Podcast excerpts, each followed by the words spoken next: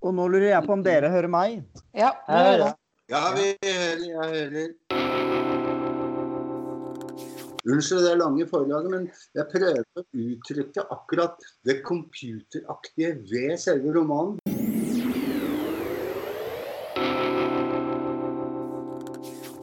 Kjære lytter, medborger, medmenneske og bokvenn. Dette er en liten advarsel og en oppfordring. Vi har tatt opp dette over internett, og i denne episoden så har teknologien ikke vært så medgjørlig som vi skulle ønske.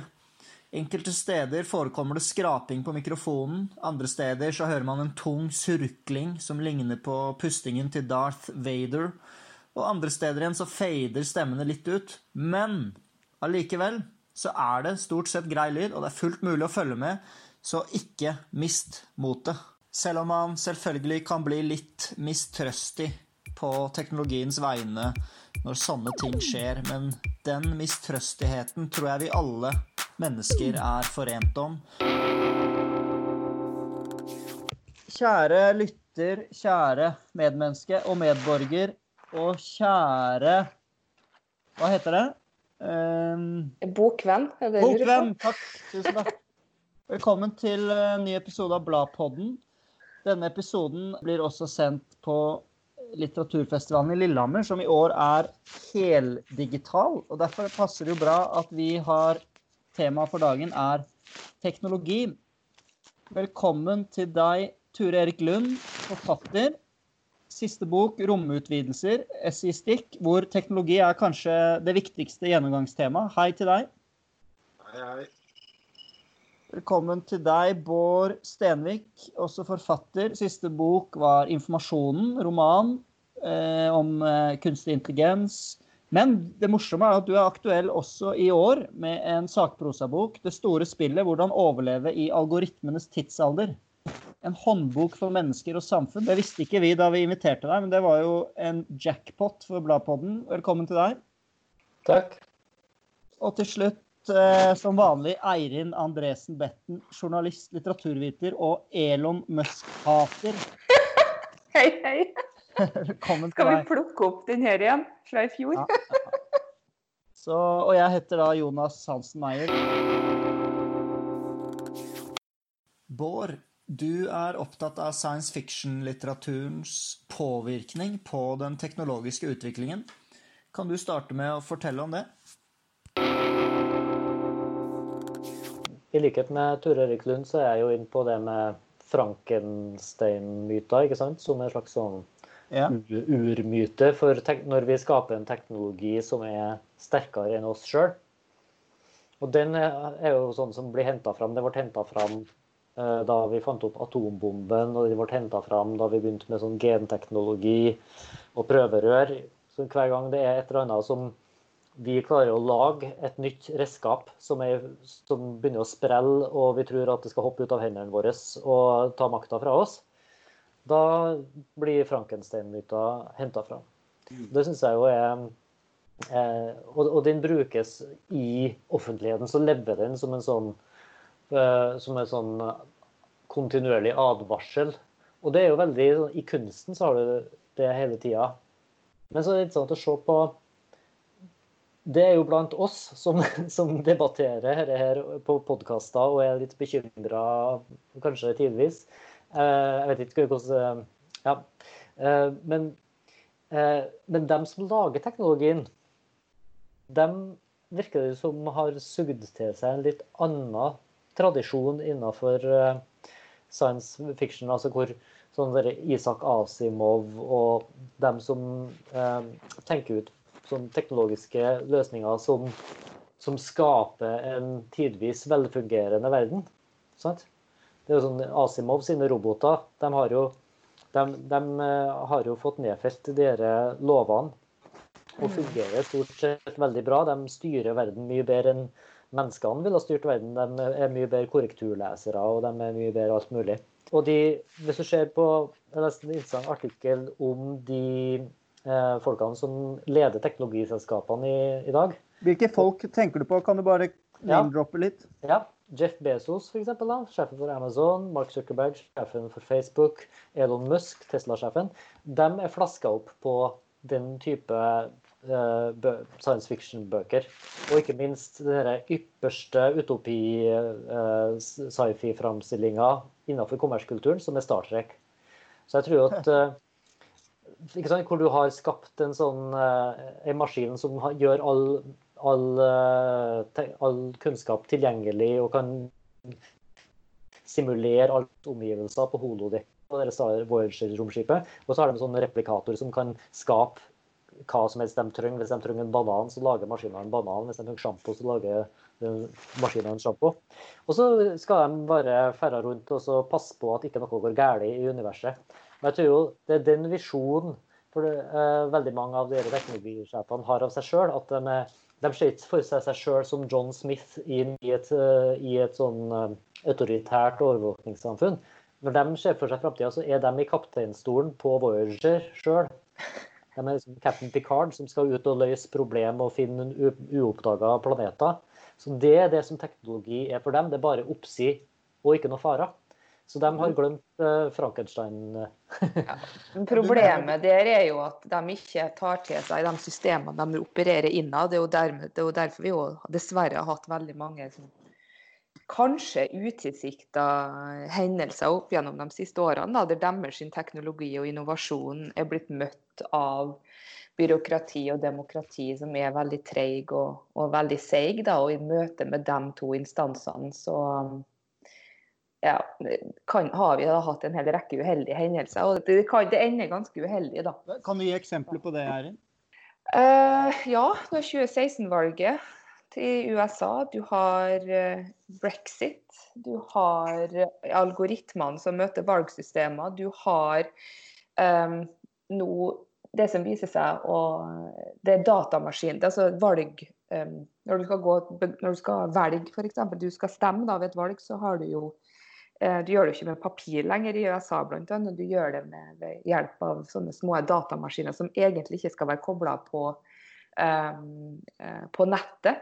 Men du kan legge inn sånne bugs i systemene som gjør at hvis du La oss være ekstreme, da, men si at du i én maskin så har du et bug som tilsier at hver gang du trykker demokrat, altså du velger en demokrat, så, går det, så er den forhåndsinnstilt til å velge en republikaner, f.eks. Eller omvendt? Eh, eller omvendt. Eh, og du har bugs som kan gå inn og endre adressene til, stem, til folk som ønsker å stemme, f.eks. Som gjør at de ikke Og når det ikke korresponderer med papirene de har med, så vil ikke de kunne avsi stemmene sine. Um, og da, jo, da er det jo noen som um, hvem det er nå som ønsker de her endringene, og ønsker at valg da ikke skal foregå sømløst, det er jo, kan vi jo spekulere i. Men, eh, men dette er jo reelle eksempler på, på Mm. teknologien som møter eh, den ikke-teknologiske, det ikke-teknologiske samfunnet, kan du nesten si. Mm. Hvis jeg, skal, hvis jeg kan få lov til å ta det eksempelet til inntekt for min teori, da, så, så er jo det Der har du mange folk som har laga teknologiske løsninger for kommunikasjon og for valg og sånn, hvor de tenker at herre er en løsning som er kjempesmart. Jeg har tenkt den ut her på min maskin, og så kan jeg bare skalere den utover hele resten av verden, så at Mm. alle får ta del i min fantastiske løsning. Men det de ikke tenker på, er at når de har laga det systemet, så finnes det veldig mange folk som sitter og driver med lureri ute i verden, og da kan det lureriet skaleres akkurat like fort. Ja, Eh, og, det, og det tror jeg kanskje ikke alltid altså Det kan godt hende at altså, sånne som Zuckerberg og Musk og, og Bezos og sånn, at de, de tenker nok på det. Men jeg vet altså det er, om de tar det inn i betraktning, eller egentlig ofrer den tanken så mange, eh, mange be, be, bekymringsfulle kvelder, det vet jeg ikke. For at, eh, da har vi kanskje ville hatt et eh, litt andre systemer og litt annen form for utvikling eh, enn dem vi har hatt. da. Problemet er at de, de tjener penger på å være optimistisk. De Det er det de gjør. De tjener Men ikke går... penger på å bekymre seg. Ja. Nei. Hvordan forklarer du da Elon Musk er jo en av de store um, Han advarer jo stadig vekk mot um, artificial intelligence. Mm. Hvor farlig det kan være. Ja. Det, og grunnen til at han advarer mot det, er jo at han Det er jo, det er jo litt som at uh, f.eks. Uh, da USA laga jo så mye kjernevåpen på 80-tallet fordi at uh, russerne hadde så mye kjernevåpen. sant? Og det er jo litt sånn, Løsninga på, på, på, det problemet er jo at han sjøl skal lage teknologi som er trygg. ikke sant? Og han skal lage Neuralink-teknologien, som er på en måte plugge datamaskiner rett inn i hjernen, så at vi kan tenke fortere og bedre og kontrollere den kunstige intelligensen, når den ikke skal ta makta fra oss. Det er, jo, det er jo aldri det er jo, altså, det, er jo, det er jo ikke sånn at de disse teknologene sier nei, og det er veldig mye farlig med denne teknologien, så da lar vi bare være å finne opp teknologi. Det er jo bestandig en annen type teknologi, en bedre teknologi, som er løsninga. Mm. Så ditt forslag er at de egentlig bør lese litt mer Mary Shelley? Gjerne det. Det er utrolig. Jeg, jeg, bare googlet henne mens vi snakket. Hun var da 18 år da hun begynte å skrive Frank Frankenstein, og skrev den ferdig sånn rundt 20-årsalderen. Men det jeg lurer på, er altså i, Av og til i bøkene til Ture så virker det jo som, så, som om det i hvert fall det vi-et, eller uh, den språkstemmen, uh, tar til orde for å bare akselerere all utviklinga, og, og, sånn at du liksom kommer på andre sida av problemet. At hvis bare alle maskinene får eh, nok fart og nok prosessorkraft og slipper å bekymre seg med alt dette menneskeraklet som de har med seg, så vil, eh, så vil det kunne løse problemene på en bedre måte. Altså det, det, du sier, uh, Bård, er ganske interessant uh, med hensyn til Du sier om Bezos og de er samtidig si, de lederne av de store teknologibedriftene som da har lest seg på science fiction og Star som gjør at de, de, de, har, de ser et mål som forandrer seg Eh, og som de da forholder seg til. Da egentlig ikke fins noen som korrigerer og, og, holder det tilbake. Og det, det, det, som er pointet her, er jo at hvis du da setter et frislipp på de, på de kreftene da, som, som, da eh, Bezos setter i gang, så, så, på en måte så er det de folka vi snakker om, de er beinharde forretningsmenn. Og, og det som er viktig for uh, forretningsmenn, det er en slags forutsigbarhet om at de tingene de gjør, det skal gjøre at de fortsetter å tjene penger. Hvis de virkelig hadde vært ekte teknologer, eller ikke teknokrater, men teknologer, så hadde de på en måte eh, satt i gang en nærmest Frankenstein-prosess som gjør at det, oi, det begynner å skje ting her som er fullstendig uforutsigbare. Og dermed så vil da naturen i teknologien på en måte få eh, mer spillerom og liksom kunne utvikle seg på sine, sine, på sine egne premisser. Ikke det menneskelige eller de kapitalistiske premissene som Bezos og andre helt sikkert eh, er levd innunder. Og så har vi sånn de statlige fornuftige stemmene som forsøker å holde igjen uh, dette her. Uh, de, de, er jo også på sin måte uh, preget av en slags sånn en iboende crunch. At det kan at de kan uh, implodere, de også, på sett og vis. ikke sant? At det oppstår en slags natur i, i disse her trygge uh, statene. forskningsbaserte, disse politiske uh, styringsmekanismene som vi hele tiden prøver støtte oss til med demokrati etc., etc., som, som det eneste bålverk. Men som igjen har noe i seg som er like fullt ustyrlig, og som vi ikke kan styre. Så Det som er summen i dette her, syns jeg, det er, det er to-tre sånne elementer hvor da det Frankenstein-aktige fins. Altså det er en demon i disse tingene her, som da eh, er eh, synonymt med det ustyrlige, det naturlige, det ukontrollerbare. Til tross for at alle ønsker, eller til tross for at de nettopp av alt ønsker å kontrollere. Og Det er det som er interessant synes jeg, i den debatten eller denne oppdattheten om digital teknologi. At ok, vi, vi, selve anstrengelsen i å kontrollere og styre og, og målstyre, det i seg sjøl bidrar til en, eh, til en svekkelse av systemet. ikke sant? Altså at systemene kan implodere pga. den motsatte intensjon, hvis dere forstår hva jeg mener. Og Det syns jeg er et godt eksempel med nettopp uh, disse her uh, rike uh, gutta, for å kalle dem det, som har nærmest all makt i verden med Google og Microsoft og Tesla og at det, på den ene siden så er de beinharde forretningsmenn, men samtidig så merker de at det er det ustyrlige som, som ligger i, i, løypa der, og som jeg syns er ganske interessant. Da, som da f.eks.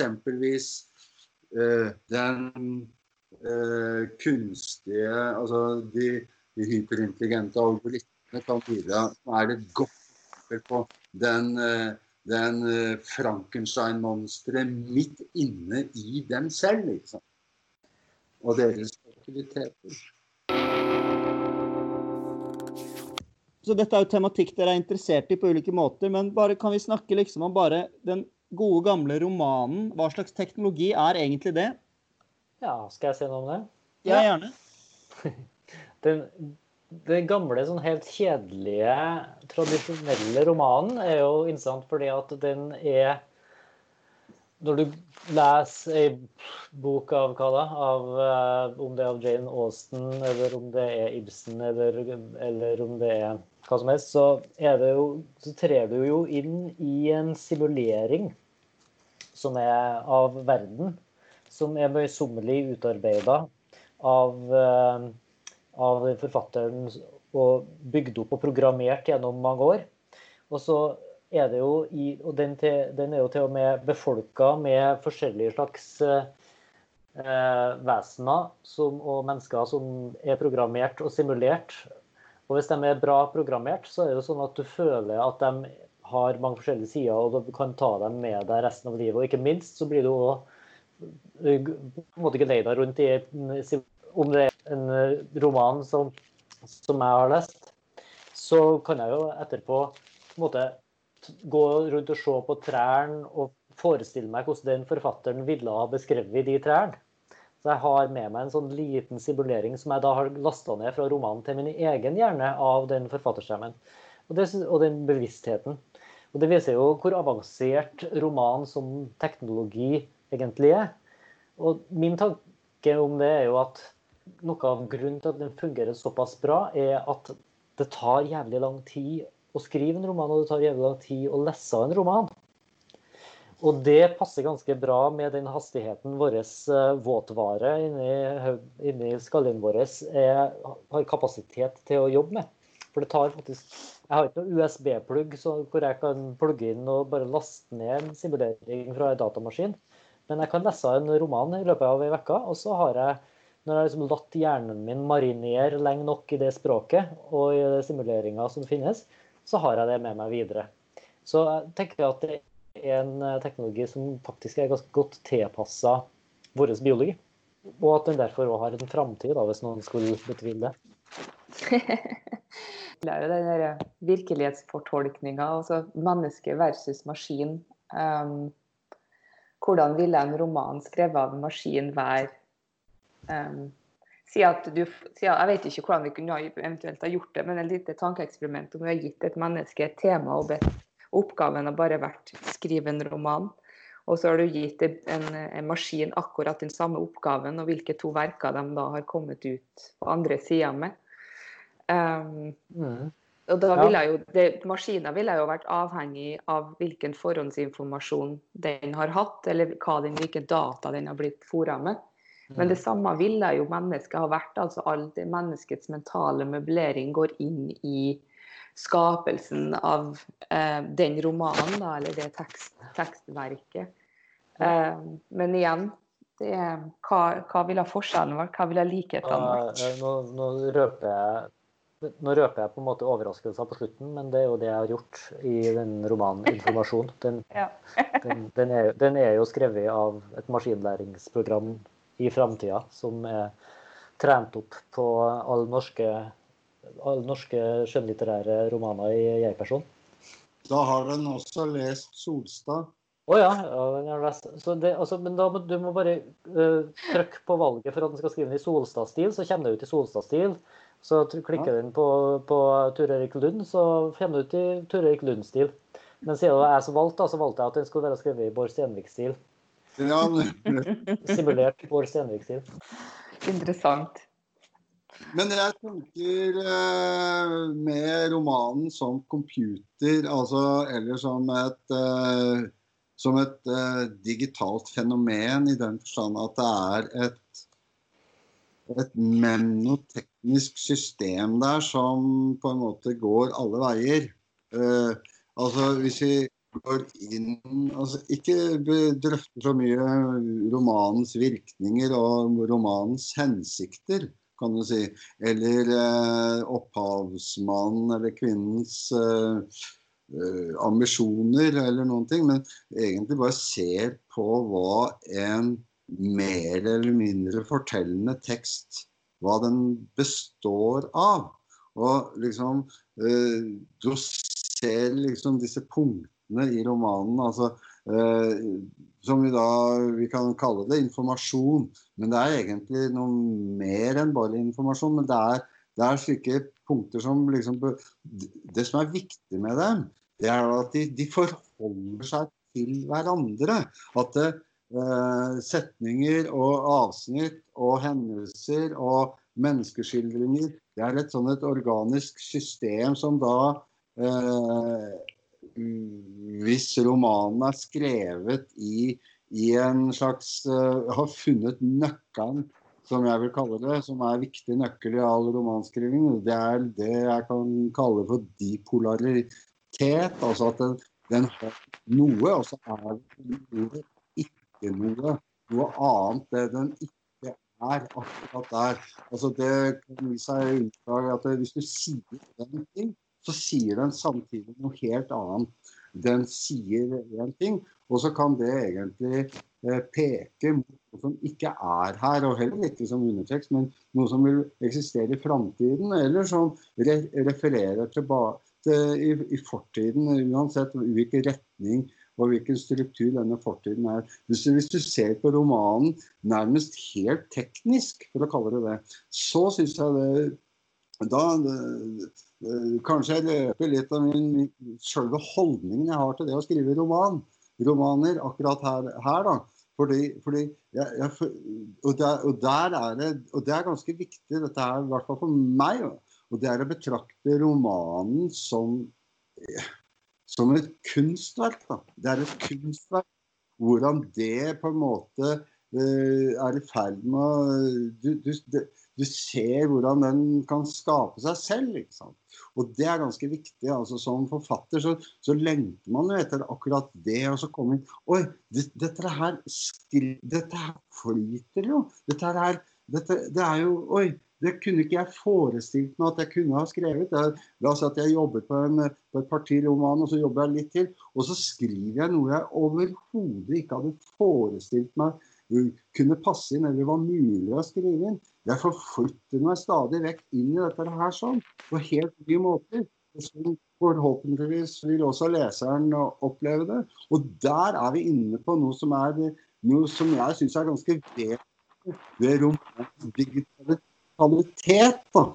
Så dens computereksistens som er ganske uh, besettende, på sett og vis. At det er et at det, er sånn, det foregår inni hele den massen der som, som er uh, en uh, nostalgisk eller en romantisk forfatter ville kalt det levende, men, eller inspirerende eller noe annet. Men jeg ville ikke kalle det det. Dette er faktisk noe som, eh, noe som foregår i kraft av den bipolariteten da, i romanen. Og den er, det er da romanen eller altså Nå snakker vi om romanen i den forstand at det er, det, er en, det er en større tekstmasse.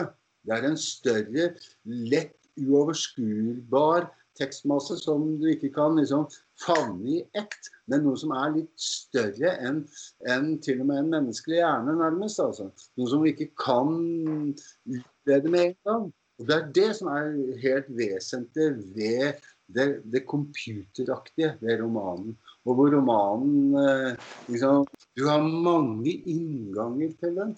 Åpner ingen, en slik roman. Og da går litt vekk ifra Særlig etter at du har lest den, og kanskje det er to år seinere du skal prøve å be, forholde deg til romanen, så er det ofte at du ikke forholder deg til det første du forholder deg til. Det er ikke nødvendigvis begynnelsen, men det er noe inni romanen som da leder deg kanskje til begynnelsen etter hvert, men også videre andre retninger.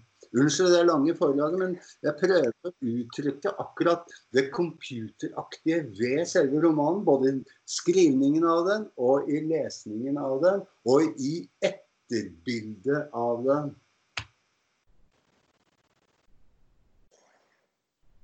Hallo? Hallo? Hallo. Jeg tror vi alle bare prosesserer litt.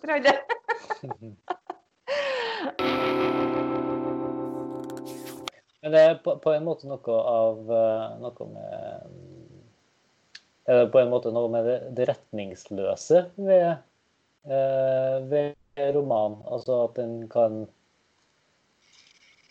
at, den er, at du kan gå Det som du sier, du kan gå inn i en, i en hvilken som helst retning, og så kan du følge trådene. Jeg prøver bare å tenke på hvordan, Jeg får en sånn hvordan følelse av at du går inn i Wikipedia, og så to timer etterpå så er du landa en helt annen plass, for du har bare gått gjennom alle stegene, og du vet ikke hva som er verken starten eller slutten på noe som helst. Mm. Um, Ja, eksempel. Det er et, eh, kanskje et, eh, det er et godt bilde. Altså. Men det er jo det er, altså, Vi må jo skille mellom lesning og avlesning. Altså, Det å avlese en roman er greit nok. Det er fra side 1 og utover. Da avleser du romanen, og du kan lage et eh, ganske greit resymé av nettopp denne avlesningen. Men selve lesning, lesningen av en roman, da, det innbefatter f.eks. hvis mye dypere ting som fortolkning og forståelse og det ene med det andre. Det le, fordi når du leser noe, så leser du alt altså Selvfølgelig så leser du det du akkurat leser, men det er jo da en tilnærmetvis avlesning. Men du leser også andre ting hele tiden. Det er jo det det er jo det det er å lese. ikke sant? Og sånn er det å skrive. Du kan godt skrive en setning. Selvfølgelig kan du skrive en setning, det er ikke noe sak for så vidt. En velformet, fin setning. Men selve det å skrive, det, det, da må du ta med deg det derre det der greiene der som da nettopp leder til den kompleksiteten vi snakker om nå. Altså hvor lineariteten, eller avlesningslineariteten, er på en måte litt borte. Det, er at vi nettopp har så lett for å bruke øh, vi, Nå har vi det allestedsnærværende teknologien for oss, som vi bruker som en forståelsesmodell på nær sagt alt mulig øh, levende og dødt, og levende og ulevende all mulig historie, alle mulige fenomener i verden. Det er, det, det er det som også oppfattes som litt magisk, det er at vi da nettopp bruker den, den digitale eh, systemet. Vi bruker algoritmene som metaforer, eh, som metode til å forstå ganske helt ut det som vi før i tiden ville kalt naturlige prosesser, f.eks.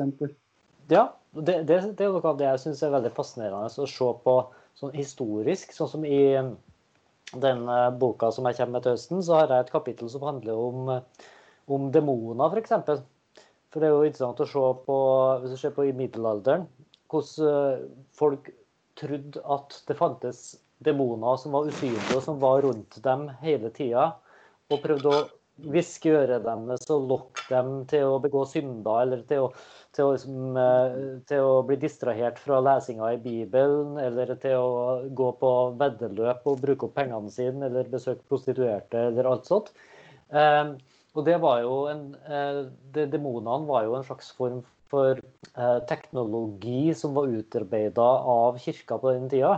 Fordi at Demonene var jo utsendt av Gud for å teste menneskene, som var en slags form for sånn AB-testing. For å sjekke om folk var gode kristne eller ikke. Og så måtte folk bare forholde seg til det regimet. Når du spoler fram 500 år, så er vi i dag, så har vi jo faktisk greid å gjøre det som bare var fantasier da, til virkelighet. Fordi at når vi går ut i verden, dvs. Si både på nettet og ellers, i dag så er det overalt sånne vesen som er intelligente rundt oss, som prøver å friste oss. Ikke sant? Klikk på denne tråden, lese om denne tingen. Her er en av vennene dine som har sagt noe interessant, vil du ikke høre noe om det? Se her, vil du eh, investere i kryptovaluta? Klikk her. Så vi har klart å skape nettopp den fantasien som bare var eh, en sånn eh, bløff i gamle dager. Og det syns jeg er så interessant å se. Hvordan vi kan bruke teknologi for å se litt på hvordan det måte, psykologiske og økonomiske systemet var i middelalderen. Og vi kan bruke den tida sine verktøy for å forstå vår situasjon i dag. F.eks. det at de den, på den tida fant ut at de måtte benevne en demon og gi den navn for å gjenkjenne hva, akkurat hva den var ute etter. For at de skulle kunne betvinge den eh, og få den ut av kroppen eller ut av huset sitt. Mens i dag så har du sånne folk som eh, driver med sånne dark patterns, altså sånne Det er de herre eh, algoritmene eller sånn designmønstrene egentlig, som gjør at når du har klikka deg inn på en nettside, så er det ofte veldig vanskelig å klikke seg ut igjen hvis at du f.eks. har meldt deg inn. og Det, eller det er veldig vanskelig å skru av de, alle de der mekanismene som sporer deg i Google eller Facebook, som sporer deg rundt omkring når du går på butikken eller rundt i skogen. Så Eh, så er det noen som har, eh, har begynt å spore eh, de designtriksene der og gi dem navn, for at vi da skulle kunne gjenkjenne dem og se hva Å ja, det er en sånn, den type demon som prøver å lure meg til å, til å godta at Facebook sporer meg, f.eks. Så gir de den et navn. Så det, Der finnes det en sånn slags læring som går både framover og bakover i tid, da, hvis vi leter etter det. i hvert fall. Nå er du inne på noe veldig interessant. Hvis du tenker på kan du si, altså, si 500 år siden da, du har, de her, du har kirka, og så bruker de de her demonene da, som verktøy for å få folk til å gjøre og ikke gjør visse ting. ikke sant? For den, um, hvis du ikke um, du, har, du, skal ikke gamble, du skal ikke ha sex utenfor ekteskapet osv. osv. Det er en, sånn, en samfunnsmoral her, da. Um, og så har du Og så er det en, en slags premie på slutten her. Um, hvis du gjør alt riktig, så oppnår du sånn og sånn. Og det, er jo, på den måten så kan du si at det var fordi at du hadde en smalere form for samfunnsstyring. da. Um, enn du du har nå. Du hadde kirka, og så hadde du noen, du hadde noen statsoverhoder, men det var på en måte ikke slike løse strukturer sånn som vi har, eller det som kalles for sånn liquid modernity. ikke sant? Det var en mer satt og rigid struktur. Um, men du kunne i det minste vite hvem det var som utøva, eller i hvert fall som satt systemene, altså som, eller styrt systemene. da. Um, men det gjør vi ikke nå, fordi at det er sånn som du sier nå, demonene kommer jo fra ikke, Veldig mange demoner vil da komme fra ikke-statlige, ikke-religiøse eh, organisasjoner, interesseorganisasjoner, organer, selskaper osv. Det er lenger ikke noe system da, i moralen. Hva er det som er riktig, hva er det som er galt? fordi at summa summarum så vil jo alle de demonene her ha oss til å um, utøve eller til å, til å, gjøre ting som gjør at vi legger igjen penger. altså Det har med kapital å gjøre, da, som igjen kanskje vi da, hvis vi på en måte skal være litt, litt stor i analysen her, da, at det er, det er verken lenger kirka eller staten eller eh, den gruppa du tilhører som bestemmer hva som er riktig eller hva som er galt lenger, men du har ene, den ene instansen som faktisk styrer samfunnet fremover. Og som igjen vi var innpå med både Bezos og, og Elon Musk og, og, og, Zuckerberg, og det er kapital. altså det, det, Data forvandles, eller data blir omgjort til kapital. Altså Vi er inn i den inn den mølla der, og den kommer vi oss da ikke ut ifra fordi at vi har, eh, vi har ikke de samme gamle pga. den, fleksi, den flytende moderniteten oss eh, har ikke lenger satte strukturer for hvem det er som skal bestemme hva som er riktig og galt lenger. Og det kan jo kanskje si at den koronakrisa som vi har vært inne i her nå, faktisk har fått lov til å bevise, da, ved at vi har en stat som på en måte som har bl.a. oppfordra oss til å gjøre veldig mange ting. Um, som f.eks. den Smittestopp-appen. Uh, men det bør vi kanskje ikke gå inn på nå. Um, ja, altså det, Du kan jo også si det at uh, demonene var jo en uh, sånn uh, veldig fascinerende historie som Bård Og som også du reflekterer på. At noe som er vesentlig, som du da antyder, det er kapitalen, det er pengene. ikke sant? Og, men demonene var en hvis jeg, jeg tror ganske mange av middelalderens folk de var nødvendigvis ikke bare helt hundset av, eh, av, eh, av eh, paranoia og religiøse forvillelser. Altså, mange vil helt sikkert vil jeg tro, var også ganske sånn, hadde et sånt nøkternt syn på hva kirken også var. ikke sant? Altså at, ok, det er en pengemaskin. Det var en pengemaskin. Mm. Demonene var en metode som gjorde at uh, folk kunne eh, liksom eh, for syns skyld betale avlat og bli sett på, sett på, som et godt menneske på den tiden. Så ja, ja, OK, så betaler jeg avlat. Hvis ikke så blir jeg jo kanskje brent. ikke sant? Og point, pointet er at eh, økonomien som en sånn fundamental, fundamental kraft bak dette her, det var vel så til stede i middelalderen som det er med Zuckerberg og Bezos og Elon er det vi da altså. sier? At Facebook og Amazon og Google er dagens kirke? Er det det vi kan si?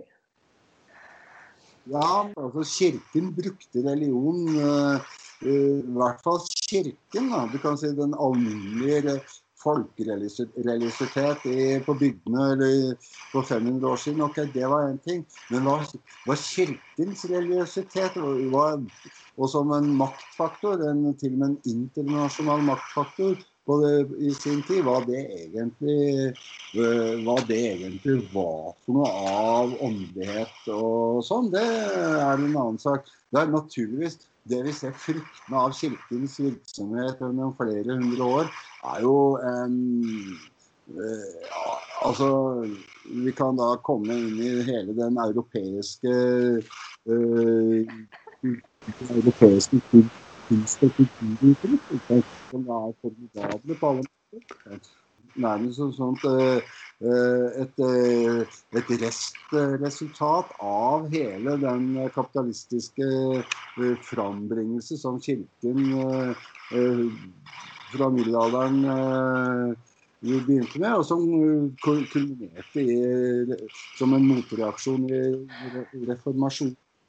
Jeg, jeg, tenker at det som du sier, er at, om at de store teknologiselskapene er dagens kirke, er nettopp det vi ikke må tenke.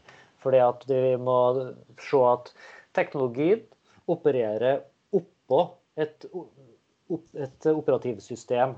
Som den er plugga inn i et operativsystem som ligger under, og det er det økonomiske og maktmessige, ikke sant? som Ture Erik var inne på. Og for eh, kirka den gangen så var jo modellen var jo eh, basert på at de skulle skape, eh, gjøre sin egen vare ettertrakta. Og deres egen vare var jo, eh, var jo sånn eh, Hva heter det? Eh, forlat, forlatelse, ikke sant? Altså de kunne tilgi folk deres synder. Så da måtte de rett og slett skru sammen en teknologi som var demoner. Som oppfordra folk til å gjøre alt mulig som var syndig, og så, så folk ble oppmerksomme på sine syndige tanker, som de ville ha uansett, for folk har jo syndige tanker. Og så måtte de gjøre demonene for å overbevise om at de faktisk fantes og var skumle, så måtte de lage sånne, sånne utbroderte fortellinger om hvor forferdelig ekkel og slimete og farlig og jævlige demonene var, sjøl om de var usynlige. Fordi at de var jo usynlige, og de fantes jo ikke egentlig, så derfor måtte de hype opp demonene. Mens den økonomiske modellen til For det første fordi at de ønsker at vi skal forfølge lystene og lastene våre. Og det, det, vil, og det, vil, si at de utnytter alle svakhetene våre, ikke sant? som er Eh, når vi føler at vi er deprimerte og ikke er pene nok og ikke har nok venner, og alt sånt, så vil vi gjerne klikke på alle linkene som kan bekrefte det motsatte for oss. Og Den andre tingen er jo at den måten algoritmene virker på, vil de jo aller helst holde usynlig. De vil jo at algoritmene skal være usynlige. fordi at de her algoritmene, i motsetning til de gamle demonene, gjør virkelig arbeid rundt omkring i verden med, med å lure oss. Så jeg tenker at det er For å forstå teknologien, så må du forstå de økonomiske motivene. Og de gir helt forskjellige biotoper som de vokser helt forskjellige vekster i. Jeg har lyst til å stille deg et lite spørsmål bare før vi gir oss. Ja. Syns dere ikke religionen har bidratt med noe bra? Nei, nei vi, vi, vi, rekker ikke å svare på det nå. Vi rekker ikke å svare på det nå. Men jeg kom på Ja, ja. Hva? Det er et interessant spørsmål, ja. Men jeg kom på disse demonene. De er jo fortsatt virksomme hos veldig mange mennesker i verden. da. Hvis vi, hvis vi tenker på det som en teknologi. Det er jo De gamle, ja. Utrolig mange som, og også i Norge, som tror på demoner av ulike arter. Til slutt, eh, denne teknologien jeg holder i hendene nå, nemlig boken, altså papirboken. Mm. Ja, yay eller nei? Ja. Det er en magisk fenomen. Ja. ja. Ja, enstemmig.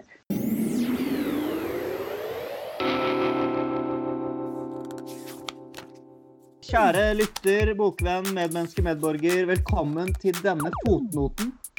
Eh, Det er en fotnote, det hører du fordi det er eh, elektronisk musikk i bakgrunnen som snart fader ut. Eh, Men Ture Erik, du ønsket å si litt mer om romanens muligheter i denne fotnoten. Ja, det gjorde jeg.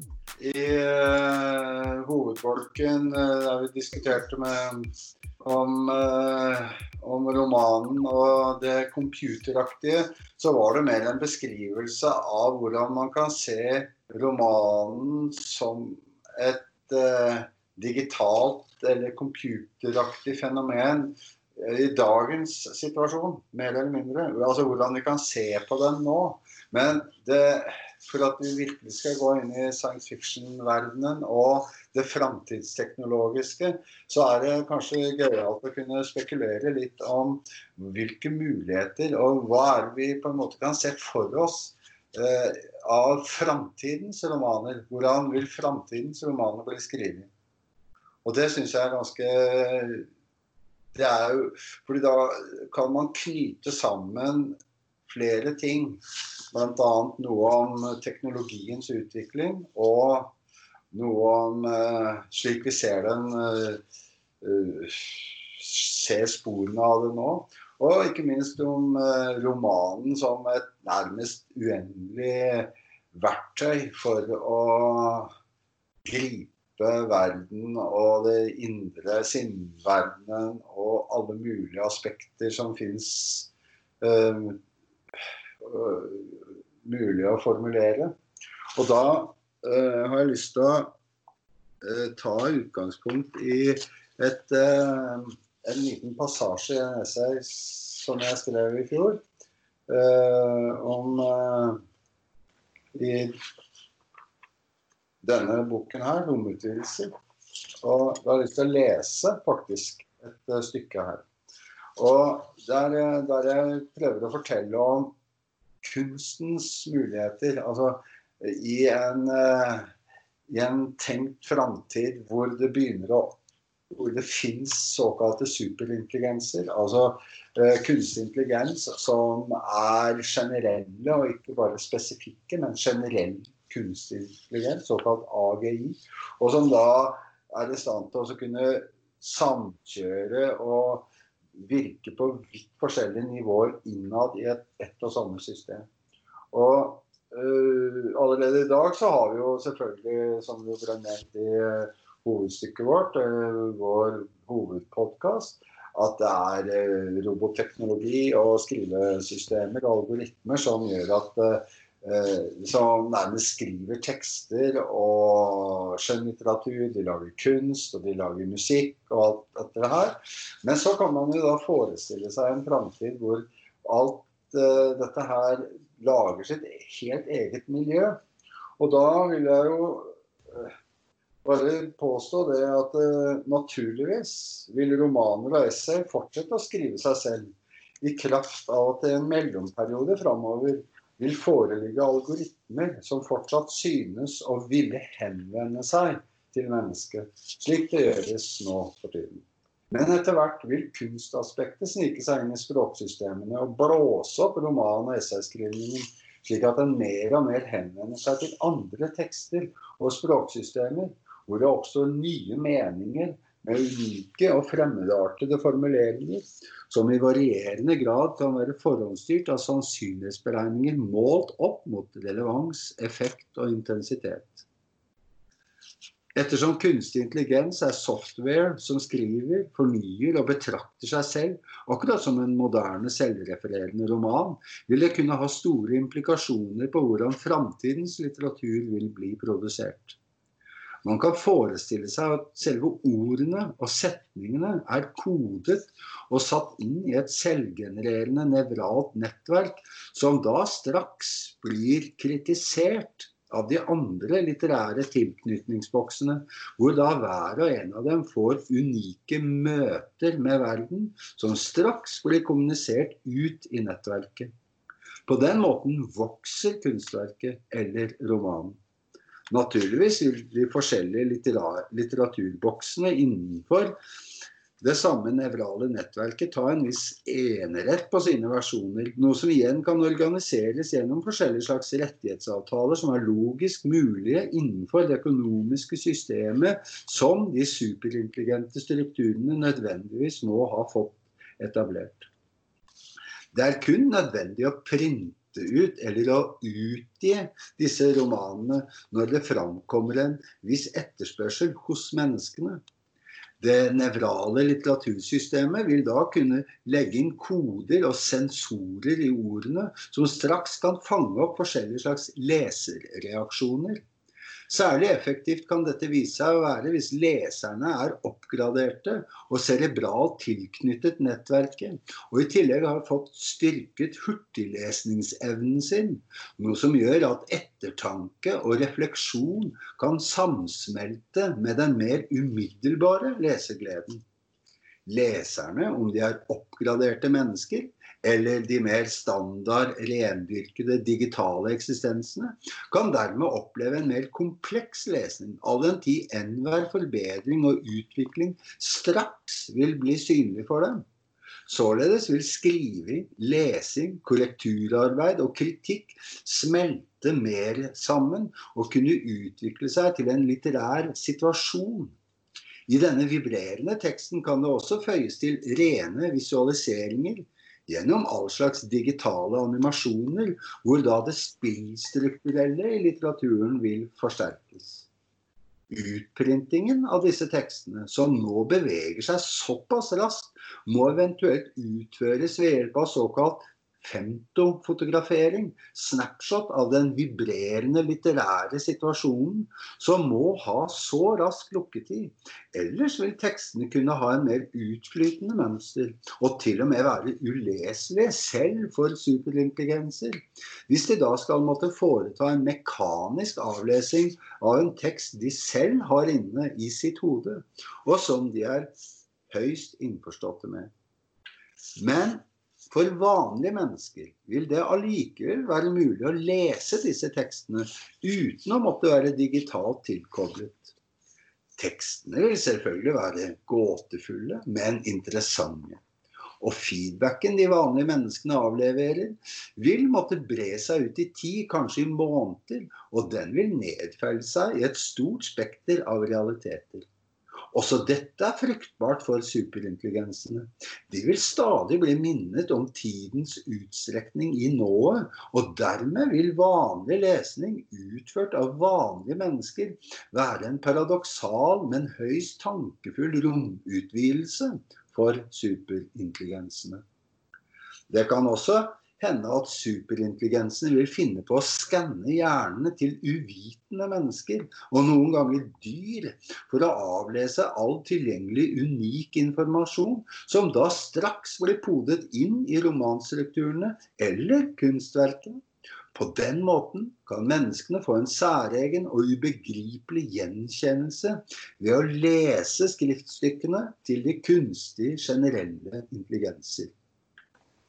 I en viss periode vil nok mennesker forsøke å etterligne enkelte teknologiske skriftstykker.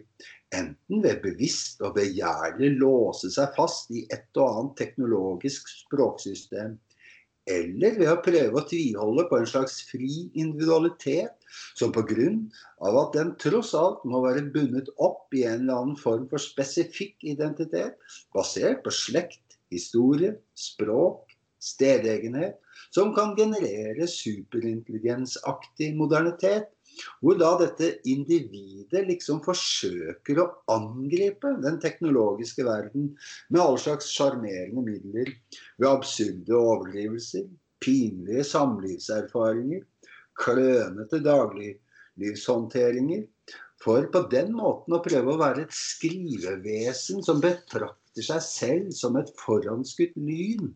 En forsøksskikkelse, en utsatt sjel i en kaotisk verden, og som tviholder på såkalt klassisk menneskelighet, slik noen kanskje tror jeg gjør nå, men som meget lett står lammet overfor det stadig ras av nye problemer som dukker opp, med all slags abrupte framskridelser i den teknologiske malstrømmen, hvor jeg nå formodentlig og eksempelvis innser altfor seint hvor infiltrert jeg er i de framtidsteknologiske systemene jeg på avstand mener å kunne påvise i aktuell virkelighet, og som derfor plutselig får meg til å skrive ting som bare er begripelige for framtidige superintelligenser.